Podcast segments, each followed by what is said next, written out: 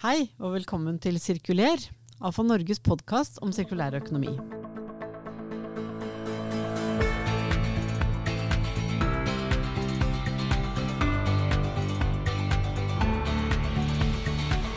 Mitt navn er Nancy Strand, og gjesten vår i dag er Tiril Bratt fra Norsk Gjenvinning.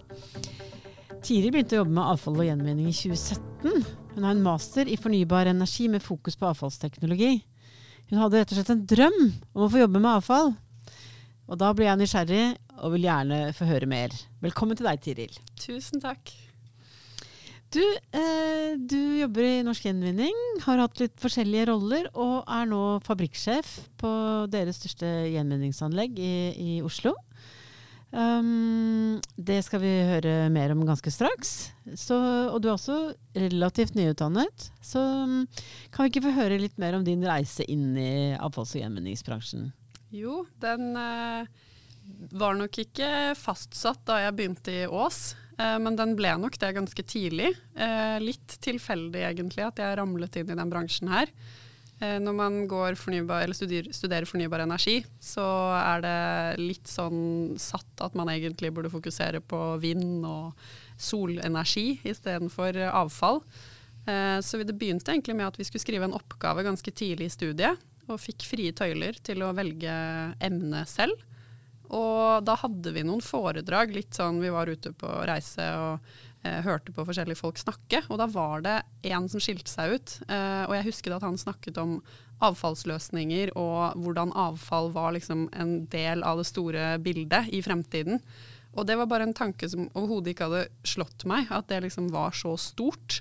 Uh, og så var jeg den eneste som egentlig følte det etterpå, jeg og, eller jeg og gruppa mi. da. Uh, og alle de andre skrev om sol og vind. Og vi var sånn nei, vi skal, vi skal, gjøre noe helt annet. Det var kult. Og når vi da gravde oss litt ned i den oppgaven og tok et dypdykk i denne spennende bransjen, så ble jeg bare så fascinert over hvor mange muligheter det var, og begynte å sjekke ut litt fag i Ås og fant ut at jøss, det her er jo en egen retning. Uh, og da ramla jeg rett og slett litt inn i bransjen, og har jo ikke sett meg tilbake siden. Nei, nettopp. Var bare, da var det strake veien. Da var det strake veien, ja. Men for du har, jeg har sett deg i noen andre intervjuer hvor du har snakket om at det var liksom ett foredrag som virkelig uh, var litt sånn uh, Ja, som åpnet øynene for det spennende her, og det var det det var det foredraget der? Det var det foredraget. Det var et veldig kort foredrag, husker jeg. Men han var så flink, han som snakka. Og det var bare så spennende å høre at det var så mye mer man kunne gjøre i bransjen. Fordi man har jo ofte Altså alle har et forhold til avfall på en eller annen måte. Vi genererer jo massevis, uh, hver enkelt person. Men uh, jeg har aldri tenkt på en måte så mye lenger enn at ja ja, jeg, jeg kaster det hjemme under kjøkkenbenken, og så er, blir det borte på en eller annen måte. Jeg har ikke tenkt noe lenger, uh, men det var liksom en hel verden som bare åpnet seg, og så mange muligheter. og så store endringer som har skjedd den siste tiden. Det er jo en bransje i veldig endring, og ting går kjempefort. Og det er så mye spennende som skjer med både innslag av teknologi og nye løsninger. Og det er jo ingenting som er hyllevarer heller. Og da er det så kult å kunne være med og forme den fremtiden. Mm, mm. Så, du kom, eh, så du var ferdig utdannet i, i, 2017 da, eller? Ja, i 2019 var jeg ferdig. Ja, så jeg så begynte, du begynte å jobbe underveis, du? Ja. Jeg begynte å jobbe underveis. Jeg ja. jobba deltid hos Norsk Gjenvinning hele mastergraden min ja. mm. eh, fra 2017, da. Ja. Ja, nettopp. Ja, da begynner brikkene å falle på plass her. Ja. så det er litt sånn hit the ground running, eh, på en måte, dette her? da? Eller at, at For du beskriver jo en bransje i kjempeutvikling, og så kommer du inn og er ikke bare nyutdannet, du er jo under utdanning, og så mm. Ja. Så det var veldig spennende. Og da jeg tok kontakt med Norsk Gjenvinning, og egentlig sa jeg, jeg, elsker avfall, jeg må jobbe med avfall. og jeg husker han som eh, da var regionssjef og han som var fabrikk, fabrikksjef uh, i 2017. De, de, de, så litt rart på meg, for da satt jeg liksom som en ung jente i studieløpet og sa sånn vær så snill, kan jeg få lov til å være her to dager i uka? Det var ikke så mange som trygla på sine knær om å få jobbe med avfall. Uh, og de sa rett ut vi kan jo ikke gjøre annet enn å ansette deg som har så lyst til å jobbe med avfall. ikke sant? Eh, så jeg fikk jo lov til å begynne der og være der to dager i uka og lære litt. Eh, og jeg syns det var ganske interessant at på en måte eh, der var det mennesker som hadde jobbet der siden før jeg var født. så de hadde jo masse erfaring, men de hadde ikke helt kommet dit at de på en måte så på det som sirkulær økonomi, at de var med å bidra til noe større.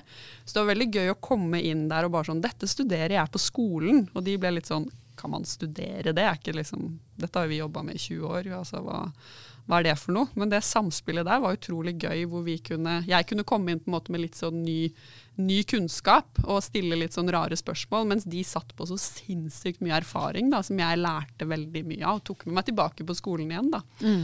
Så det mm. var kjempegøy. Ja, ja, ikke sant. Så, den, så det, du opplevde ikke det som en sånn motsetning at du kom på en måte med litt sånn uh, bok, uh, bokkunnskap, da, for å kalle det det, og de satt med masse praktisk erfaring? Det, det, ble en naturlig eh, enhet? Det var nok rart for dem i starten. Ja. Det var, var, det mer rart for dem enn for deg, eller? ja, jeg tror nok kanskje, sånn, eh, kanskje litt sånn jeg er som person òg. Jeg er veldig nysgjerrig, men samtidig prøver å være veldig ydmyk med at jeg skjønner jo at de sitter på masse erfaring, og jeg har egentlig bare lyst til å lære meg det de kan. Så jeg stilte nok masse spørsmål som de ble litt sånn Hvorfor lurer hun på dette? Men det var, jeg har jo møtt sånn har vi alltid gjort det før, så hvorfor kommer du her med nye tanker? Det har jeg jo. Beklager. Uh, så det har jeg jo.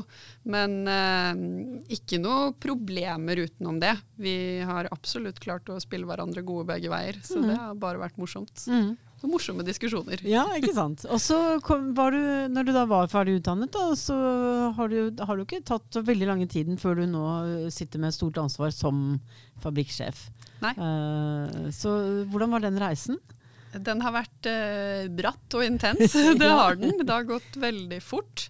Uh, jeg begynte jo med litt altså jeg, jeg begynte som junior lean-koordinator og forretningsutvikler da jeg var ferdig. Overhodet ikke noe jeg hadde studert, men allikevel lært litt om.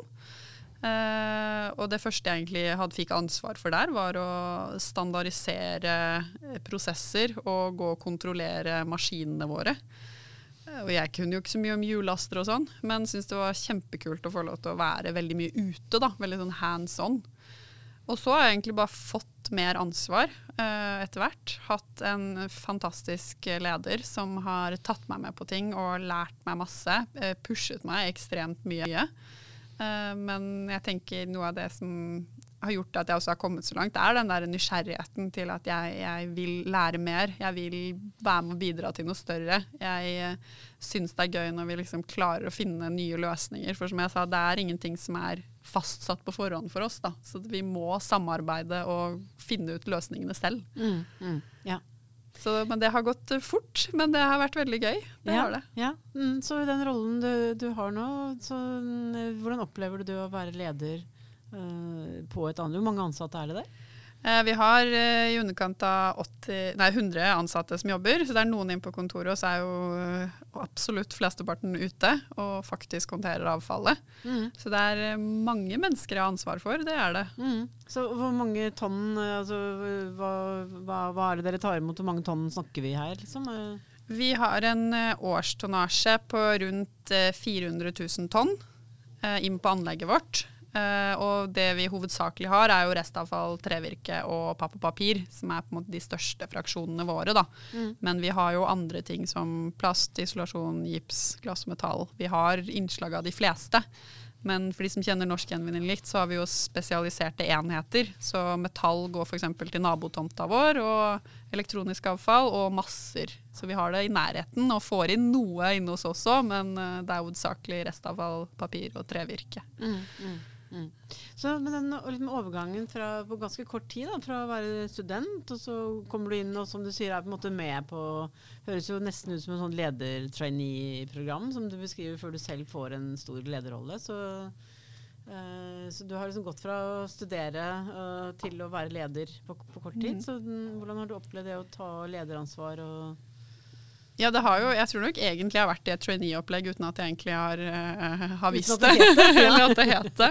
Um, men jeg, jeg, jeg, hadde jo heller ingen plan om å bli leder. Det har liksom bare skjedd. Uh, men jeg jeg koser meg jo veldig med det. Det er absolutt utfordrende til tider. Det, det er uh, folk man jobber med, og det er veldig mange folk. Men det er utrolig gøy, og jeg syns jo det er veldig givende å få de rundt meg til å klare å løse oppgaver selv, ved at jeg veileder og støtter der jeg kan, men å se at de liksom klarer å løse det selv, lære seg nye ting, det er på en måte noe av det som motiverer meg mest da, i den lederrollen jeg har. Ikke nødvendigvis å sitte på alle svarene, for det var vel litt det jeg var mest skeptisk til i starten. Uh, at jeg skulle gå inn med så lite arbeidserfaring, uh, nettopp fordi jeg er så ung, da. Mm. Uh, og skulle lede da en haug med mennesker som har jobbet der så lenge og kan så mye. Så jeg var litt sånn skeptisk i starten til at ja, men jeg kan jo ikke alt dette, men har skjønt at det er jo ikke jobben min å kunne alt. Jeg har så mange eksperter og flinke folk rundt meg, men å få dem til å samarbeide og løse ting, det er det, er det som er kult, da. Og det er mm. det som motiverer meg i hverdagen min nå. Mm. Ja. Så, men ledelse er jo også et fag, så, så har du selv liksom tatt noe videreutdanning innenfor ledelsesfag, eller hvordan har du lært deg dette gjennom jobben jeg har som sagt hatt en veldig veldig god leder som har veiledet meg mye. Uh, men jeg er i et løp nå, faktisk, via NHO. Eh, de har et program for damer, Female Future, hvor vi møtes og lærer ulike teorier, men også snakke veldig mye om hvordan det er å være kvinnelig leder. Mm. og lære mye av hverandre, da. Mm. Så det er et løp som blir ferdig til sommeren. Så ja. jeg lærer masse nytt der. Mange kule damer med, så det er veldig veldig gøy. Ja, Fra mange forskjellige bransjer også? Veldig mange forskjellige bransjer. Mm. Så det er eh, mye å lære fra de bransjene. Det er jo mye som er, kan være gjenkjennbart i i ledelsesteorien. Da. Så det er jo mye man kan kjenne seg igjen i, selv om arbeidshverdagen eh, kanskje er ulik eller bransjen er ulik, så er det jo mye likt på tvers allikevel. Ja, mm, det er snakk om mennesker og Det er mennesker ja. det er snakk om. Men du ble eh, kåret til en av topp eh, ti ledertalenter i ja. 2022 av E24. Så hva, hva, lå den, hva, lå i den kåringen, eh, eller hva lå til grunn? Nei, det, Jeg er jo fortsatt litt sånn usikker på hvem som egentlig har nominert meg, så det er jo fortsatt litt sånn okay. uh, spennende. Um, så jeg var litt sånn uvitende til egentlig hele jeg, Altså jeg har jo hørt om kåringen, men jeg hadde jo aldri i min villeste fantasi, fantasi sett for meg at jeg skulle stå der. Uh, det foregikk jo med at uh, jeg fikk først en mail om at jeg hadde blitt nominert, og var gjennom hele den prosessen med både å sende inn CV, skrive en søknad, intervjuer og diverse. Uh, og jeg vet at det er sinnssykt mange flinke folk som var på lista og var nominert til disse prisene. Så det å stå på scenen der med topp ti i Norge, det var veldig, veldig stort. Uh, jeg tror ikke det egentlig helt har gått opp for meg enda. Når jeg ser på det diplomet jeg har hjemme, så er det Jeg tror ikke det har gått opp for meg. Men uh, jeg vet også med meg selv at det har vært mye hardt arbeid bak det. Men det hadde aldri gått uten de flinke folka jeg har med meg heller, da. Så det Men veldig, veldig stas. Mm, ja. Mm. Ja, men det, det, det, er fint at du sier det, for det, det er jo all grunn til å være litt stolt av. da.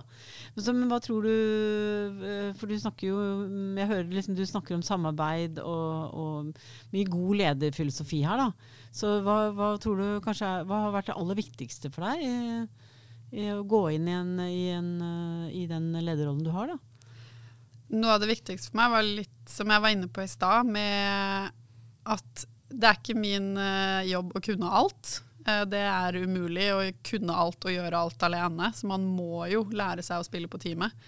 Men det aller viktigste for meg er jo nettopp det å være nysgjerrig, uh, stille spørsmål om de ansattes hverdag. Både hvordan de har det som personer, men også hvordan arbeidsoppgavene er. vi har jo veldig mye fokus på HMS ute hos oss, for det er høy risiko ute på anleggene våre. vi har veldig fokus på det, og derfor er det viktig for meg å ta meg tid til å snakke med de ansatte ute. Eh, fordi jeg vil at de skal ha det best mulig på jobb. Og som regel så ser jo de løsninger som man inne på kontoret aldri ville funnet ut av selv. Så det å være nysgjerrig, eh, være ydmyk, eh, være til stede med de, og når man faktisk snakker med de, da, det, det er veldig viktig for meg. Og jeg ser jo at vi har hatt et veldig sånn tradisjonelt leder, en lederstil i, i det, på det anlegget tidligere. Eh, så det at det, vi snur om litt nå, gir på en måte dytter ansvaret litt ut til de som faktisk driver verdiskapningen. De kommer med ideene, og jeg ser liksom folk blomstrer, for de har så mange tanker og ideer, og de er så smarte og flinke. Så det at man liksom skaper den kulturen hvor det er rom for at ideene kommer nedenfra, og ikke alt blir trøkket på ovenfra og ned, da. Mm. det skaper så sinnssykt mye mer verdi. Så mm. det er på en måte noe av det viktigste for meg, å skape den tryggheten til at folk kan tørre å si sine meninger da, ja. og dele. Mm. mm. Så du beskriver jo, ikke sant? Du nevnte at du, at du også hadde jobbet med Lean-arbeidet, som jo øh, Norsk endring, og også mange i bransjen mm. har, har, mye fokus på det. Mm. Så det er liksom noe med den Du skal ivareta folk, du skal ha vekt på HMS, du skal ha vekt på effektivitet, og du skal være kvalitet, det dere produserer. Det er mange elementer som skal spille sammen. Det, ja. Absolutt, det er helt riktig. Det, det, er mange ting. Det er mange store fagbegreper man skal sjonglere mellom. Uh, som regel så ser man jo en veldig god rød tråd. Hvis man har kontroll på det ene, så henger det tett sammen med den andre.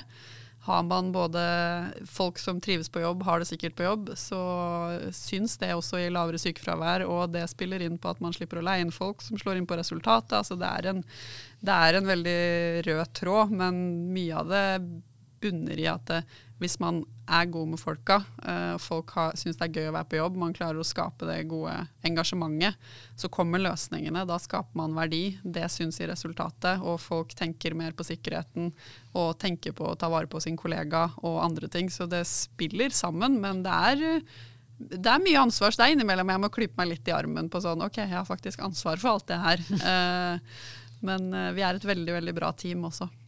Mm, mm. Men så, Du nevnte jo det når du, når du begynte, liksom at uh, det at man, man hadde masse erfaring, men man så kanskje ikke det, liksom, man, den, den, det store bildet man er en del av. Da. Men har, opplever du at det har endret seg? At, uh, ja, eh, det gjør jeg. Vi har jo snakket veldig mye om sirkulær økonomi i mange år. Men jeg hadde jo en samtale med en ansatt ute for et halvt års tid. Hvor jeg lurte på om de ville være med på kurs i sirkulær økonomi. Og da fikk jeg jo til svar at ja, men jeg har ikke noe lyst til å være med på sånne tunge økonomifag, Ja. Og så blir jeg litt sånn Ja, eh, sirkulærøkonomi det er det vi jobber med hver eneste dag. Det er det du jobber med, det er det du er ekspert på. Og da får man jo litt sånn øyeåpner med at uh, man har en strategi i et stort konsern som ikke er forståelig for alle ute. Så det har jeg jobbet veldig med, med at uh, det er ikke noe vits med sånn fluffy strategier hvis på en måte de, ingen skjønner hva det egentlig betyr, og hvordan de skal påvirke det. Så det har vi brukt veldig mye tid på, og jeg oppfatter at de ute syns det er spennende at vi snakker om større ting, og at de skjønner at plukker jeg ut denne plankebiten og sender den til materialgjenvinning, så er jeg faktisk med på å løfte avfall høyere opp i avfallspyramiden. Når jeg begynner å høre det ute, så blir jeg jo nesten rørt.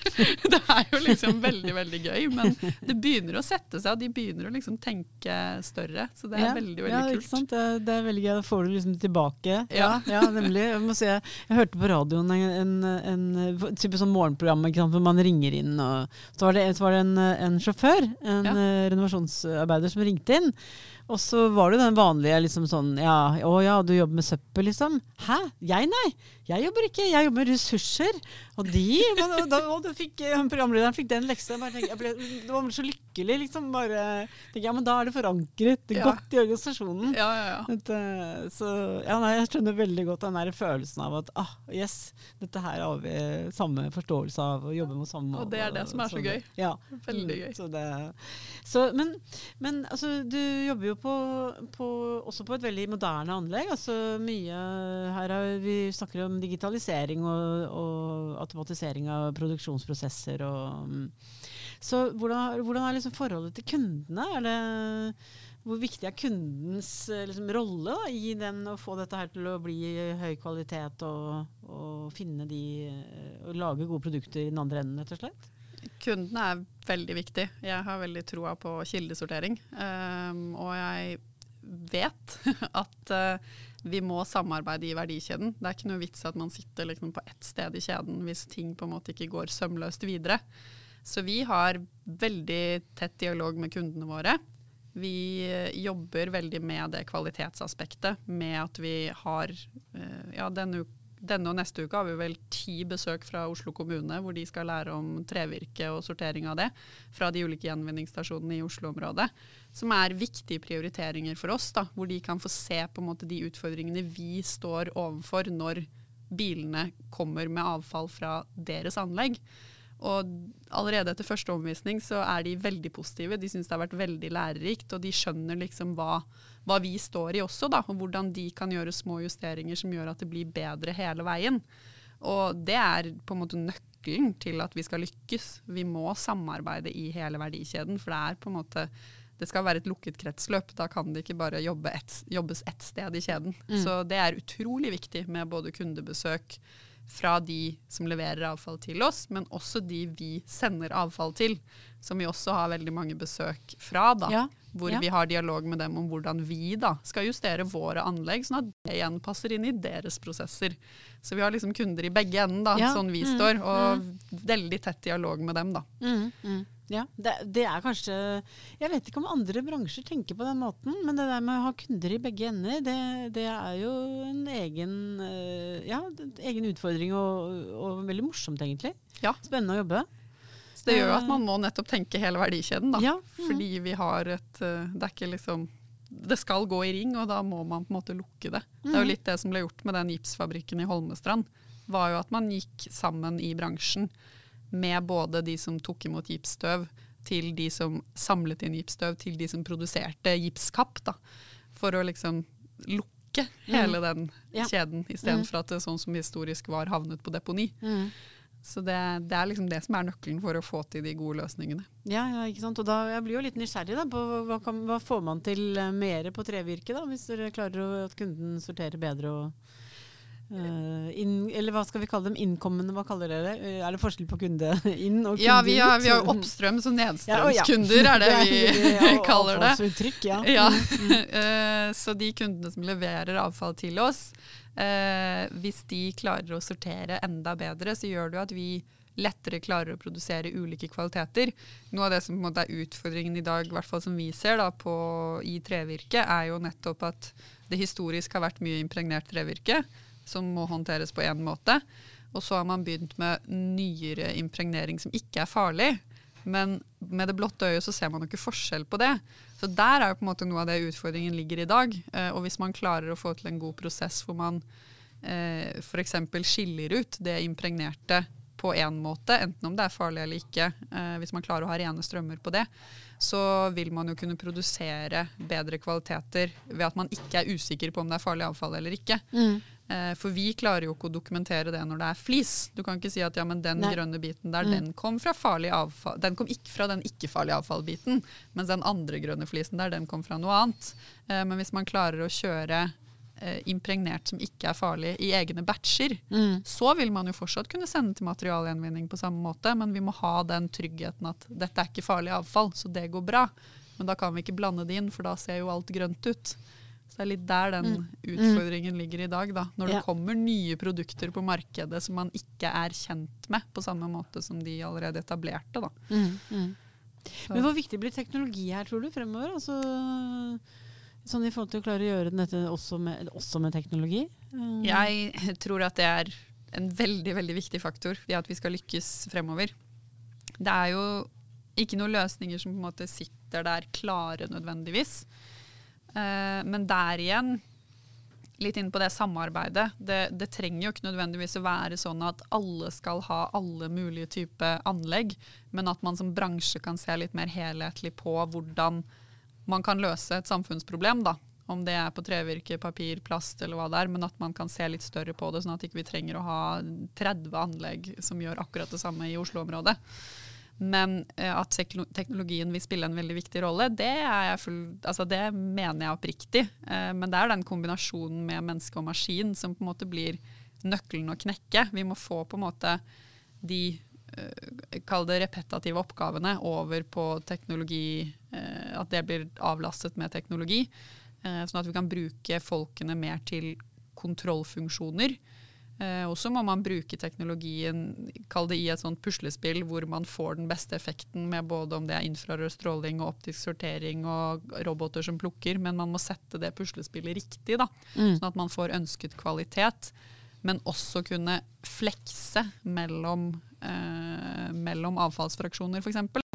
Man trenger ikke å bygge et spesifikt anlegg til én fraksjon, men at man klarer å gjøre flere ting på samme anlegg, da, vil jo være De som klarer det, de har kommet langt, da. Mm, ja. mm, De mm. ligger et hestehode foran. Ja. Så, men fortsatt kombinasjonen menneske og maskin tror jeg vil være der, men på en annen måte.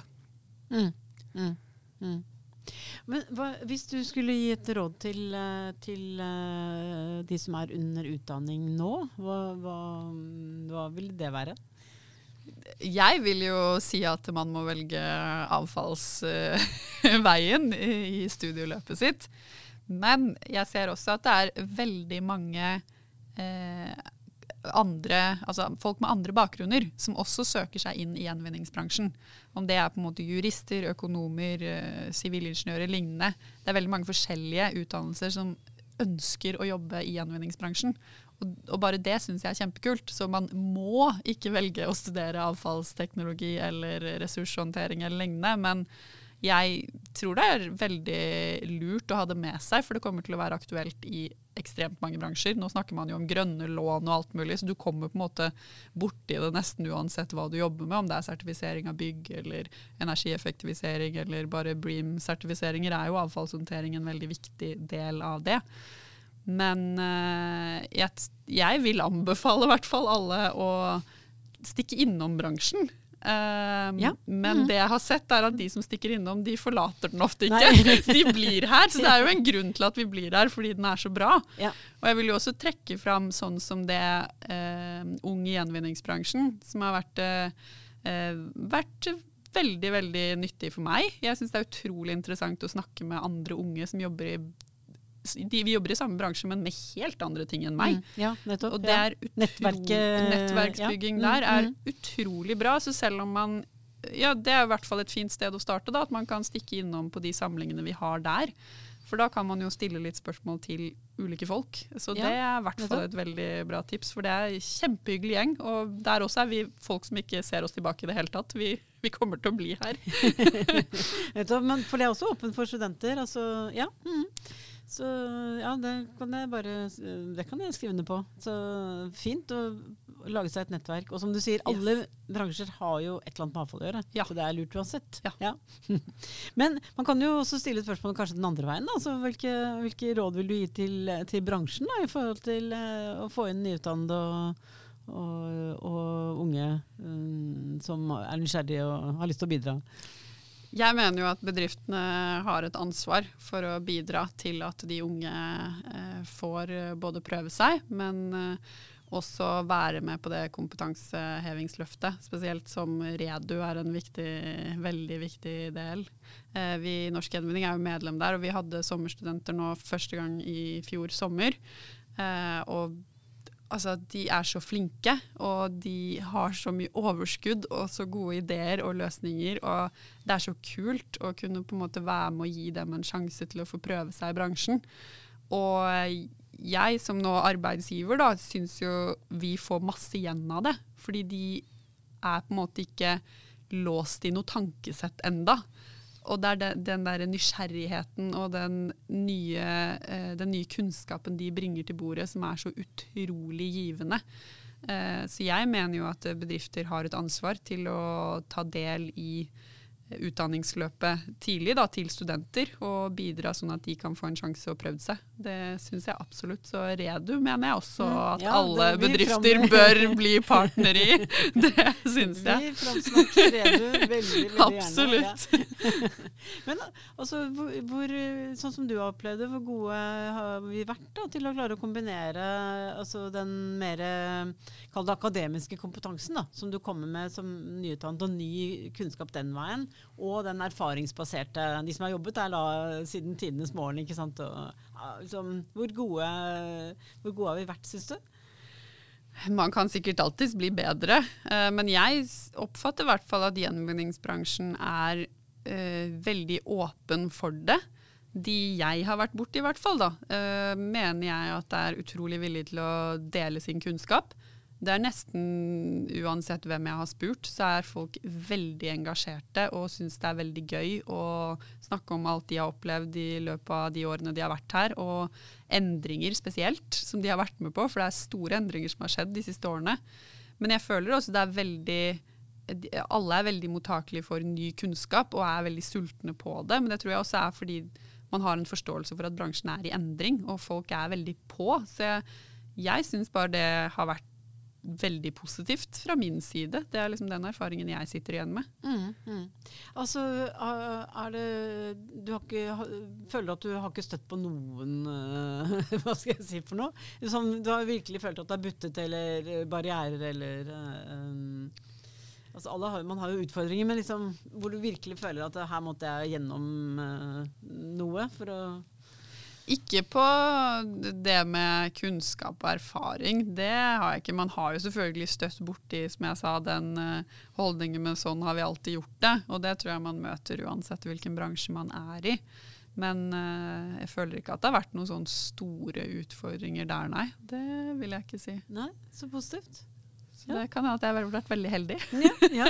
Altså, det, er god, det, er jo en god, erfaring å formidle, da. At, og tilbakemelding til de som du har møtt. Så det er veldig positivt. Det, det gjør det jo mer attraktivt å komme inn i en bransje hvor man blir møtt med åpne armer og liksom bli med og bidra. Ja, jeg kan si det bare da jeg skrev masteroppgaven min, som jeg leverte i 2019, eh, så måtte man jo levere tema et år i forveien.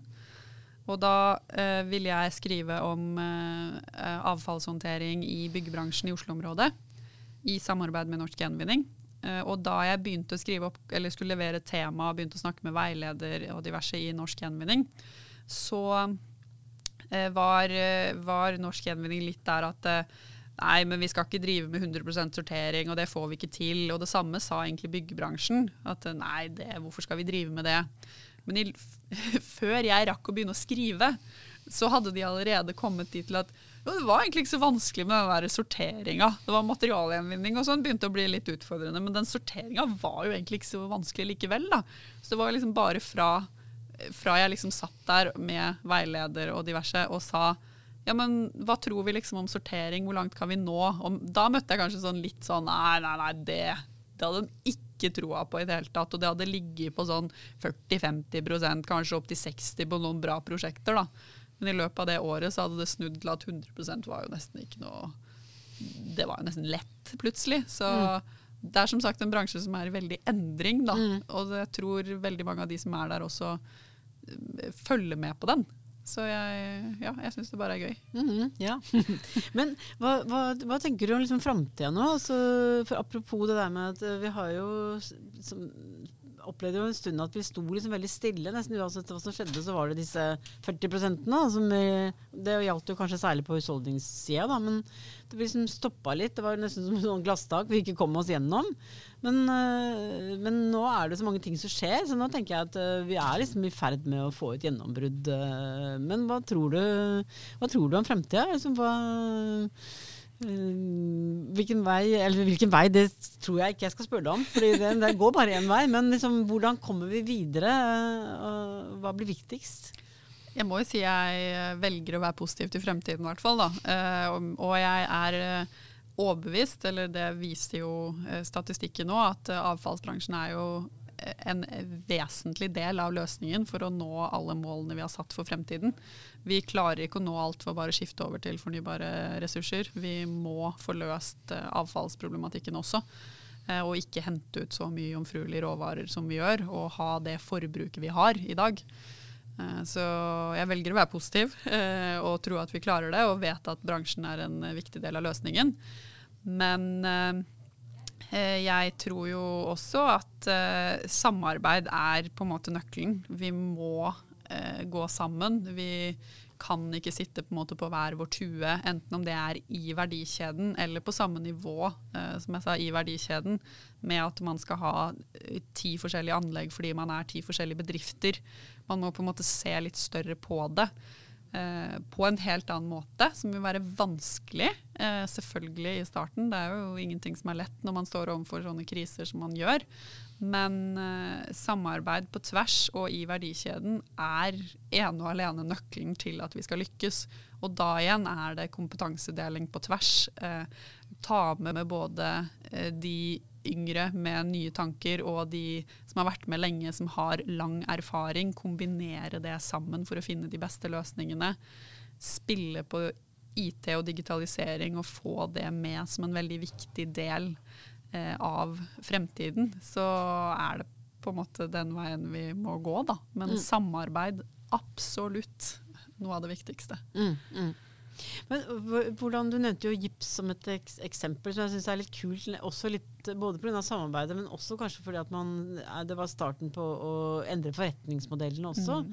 Hvor det å faktisk redusere mengden gipsavfall uh, blir like viktig som å utnytte det og resirkulere det. Så uh, klarer vi å få fortgang i en sånn utvikling hvor avfallsbransjen også har en rolle i å hjelpe kundene til å kaste mindre, utnytte ressursene sine bedre, tenke mer i kvalitet enn volum? Altså, for det er også en ganske stor uh, utfordring. da, At uh, veldig mange av forretningsmodellene er basert på høy gjennomstrømming, høyt volum, uh, høyt forbruk. Altså, som da kanskje ikke er bærekraftig. Eller det er ikke bærekraftig mm. i, for kloden. Så, så stor omstilling for bransjen foran oss? Det er en veldig stor omstilling. Eh, og mye av det er jo at man sitter litt med definisjonsmakten også, da. Fordi sånn som når våre selgere er ute og det snakkes mye om da eh, sorteringsgrad, Sånn som vi er veldig opptatt av nå, er at ja, men det er jo ikke det som er det viktige nå. Nå er det på en måte materialgjenvinningsgrad. Eh, og det har jeg opplevd at det er ikke alle som har hengt med på uh, forskjellen. da, At de tenker sånn ja, men ikke det, går ikke det på det samme? Hvis jeg har 100% sorteringsgrad, så må jeg vel ha høy materialgjenvinningsgrad. Uh, og det er jo ikke nødvendigvis alltid én-til-én-forhold mellom det. Uh, for det avhenger veldig av hvordan man løser det videre. da. For kunden kan jo sortere i 1000 forskjellige fraksjoner hvis de ønsker det, men hvis man ikke har noen løsning for det videre, så mm. blir det jo ikke materialgjenvunnet bare fordi du har puttet i en egen container. Så det er der som jeg har sagt til noen kunder når jeg har hatt de på besøk, at dere også som kunder har også en definisjonsmakt med å etterspørre informasjon om hvor avfallet deres havner, og pushe på at vi skal finne løsninger også. For når jeg får push fra kunder, så er jo det også ting jeg kan bruke videre til eh, eierne våre, da, som sitter med makt på hva vi skal bruke penger på å investere midler i. da. Og i tillegg ha dialog som jeg sa, med nedstrømskundene om hva de trenger, hva de etterspør, og så bygge fleksible anlegg sånn at man er litt mer robuste. Ikke de nødvendigvis spisse anleggene. Men eh, det er altså som sagt den dialogen eh, og også det å lære opp kundene, være mer en kompetansebedrift som kan gi eh, riktig informasjon ut til kundene om hva de skal gjøre, det vil være så utrolig viktig. Og Det er mm. derfor som jeg sa, vi bruker mye tid på de besøkene vi har, da, for mm. at kundene skal få se hva som faktisk skjer da, med avfallet deres. Men eh, jeg tror det liksom er liksom definisjonsmakt i mange ledd her nå som kan gjøre at, fort, at det går litt fortere, da, i hvert fall. Mm, mm. Men Opplever dere at, eh, at, det er økende etterspørsel etter data ja. som skal inn i bærekraftsrapporter? Ja. Vi har taksonomi som altså at, eh, at, det også er en drivkraft her? Ja, det er, eh, det er, det Og det ser jo vi da igjen. Det spiller litt tilbake på oss at vi skjønner at vi må henge med på digitaliseringsbiten der. da. At vi må faktisk ha gode nok data. For uh, tidligere har man kanskje basert seg på et litt sånt gjennomsnittstall, da. For vi har jo skrevet bærekraftsrapporter i mange år, men det tallet er jo ikke nødvendigvis representativt når det kommer en kunde og spør i Oslo, hva skjer med mitt avfall, så er det mm. ikke representativt at man har en felles for hele Norsk Gjenvinning-konsern. Så der har vi jobba veldig med datagrunnlaget vårt for å sørge for at det liksom er mest mulig oppdatert. Men det kommer nesten daglig spørsmål om uh, gjenvinningsgrad på kundenivå. da. Så det er absolutt noe som pusher oss til å jobbe mer med, mer med det. Ja, mm. Men Opplever dere at, at startups og at det, liksom, at det, kommer nye aktører som ser nye muligheter i avfallsstrømmene, eh, som også gjerne vil ha data om, om uh, avfallsstrømmene ut? Eller liksom trøkket fra gründerverdenen i det hele tatt? Eh, jeg har ikke hatt så mye dialog med, i forbindelse med avfallshåndteringen. Eh, vi har hatt en del dialog med startups i forkant, kall det da, mer renovasjon og logistikkløsninger. Eh, og også nå eh, mer håndtering av f.eks. batterier i restavfallet. Der har vi jo hatt uh, Litec, som er en grunnbedrift, uh, på besøk for å se de utfordringene vi har med batterier. Men de også er jo veldig interessert i uh, plukkanalyser, sammensetning av avfall, hva skal vi ha ut, hva er viktig for oss. Så det er jo dataetterspørsel absolutt fra gründerbedriftene, som vi nødvendigvis ikke alltid har da, tilgjengelig. Så det, det, også pusher oss jo til at vi skjønner hvor viktig digitalisering av bransjen blir. da, og mm. Klarer man å henge med der litt fort, så ligger man jo litt foran. Mm, ja, ja, ikke sant. Så, så vi, vi, nærmer oss uh, at vi må runde av, for dette her kunne vi snakke om lenge. Så, så men uh, hva, hva, hva, blir det viktigste for deg uh, fremover? Det var et stort spørsmål ja. som man skal svare kort på. ja, livet, men kanskje litt spesielt på jobben. Ja.